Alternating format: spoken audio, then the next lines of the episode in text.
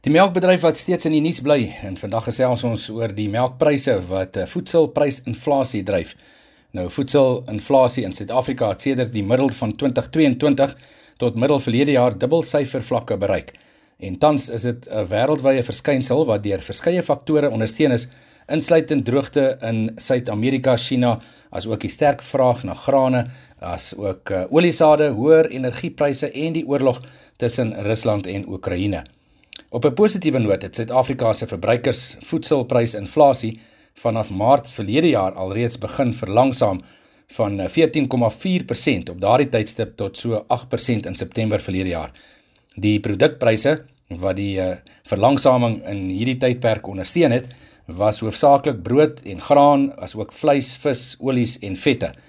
Nou die 6 maande van agtereenvolgende daling is egter in Oktober verlede jaar ontwrig met verbruikersvoedselinflasie wat van 8% in September tot 8,8% in Oktober weer verhoog het. Die eh, produkpryse wat hierdie stygings ondersteun het, was ook uh, hoofsaaklik dan melk, eiers, kaas, vrugte en ook groente.